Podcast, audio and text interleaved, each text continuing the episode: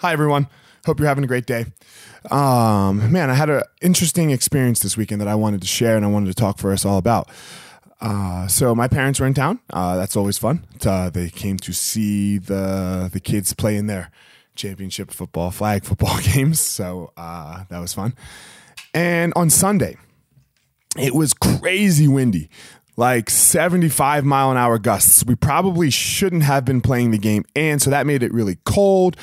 Um, like all the kids are like just like oh my god they can't like they can barely play because their hands and um because their hands were so cold. And these kids are six now. We're talking about simon my six year old and it was very cool because we had to as i, I coached that that league um for, for that team for my for simon uh, with another friend of ours. But all of the families had to come together on the sidelines. And they had to like take care of all of the kids. Like we went and got blankets and the parents and grandparents my mom they were wrapping the kids up in the blankets when they then when they weren't on the field to keep them really warm um because nobody it, it was it, it was weird like other than the area where we were, it wasn't that bad. But right where we were, it was this open field and it was crazy cold and crazy windy. So it, it was really brutal. So nobody came like really prepared to for the weather except you know my family had some blankets in the car and i think another family had one too. And man it was really great to see. It was this really tough situation. It was really shitty.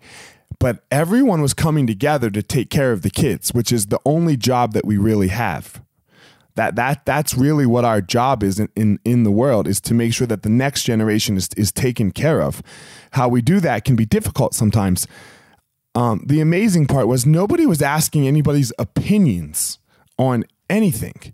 Nobody cared if you voted for Trump or you voted for Hillary or if you're pro life or pro gun or pro choice or anti this or rich people this and poor people that. There was none of that going on because we had a re- we had a job to do. We had to try to play and win the football game.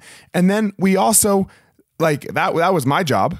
And then there were all these other people uh taking care of the kids, getting them warm, getting them ready, being positive, like being really positive. Like, come on, guys, you can do it. It, it was really great. And nobody worried about any bullshit that, look, that we're lucky enough to worry about.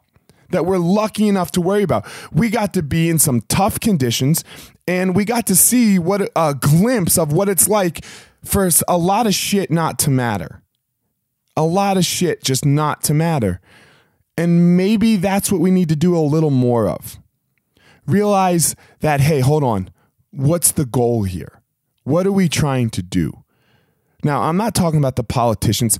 Man, fuck the politicians. I'm talking about you and your neighbor. I'm talking about all of you people who aren't speaking with or aren't associating with people that disagree with you. Are you kidding? Are you kidding? You, you need to be disagreed with. We all do. And then we need to let it go and then do what's really important. Make the lives of all, not just your kids, all of the kids in your life, all of the kids that, that you touch, your neighbors, your friends' kids, everybody, make their lives better. Make their lives better. Now, look, I'm not talking about someone who's a shitty person. I'm not talking about that.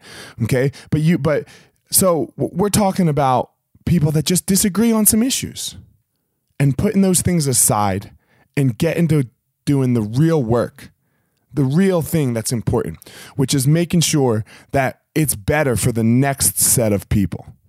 And that's our kids. And then they'll have the same job when they get older, older hopefully, and hopefully, and hopefully they'll do it way better than what we're doing right now.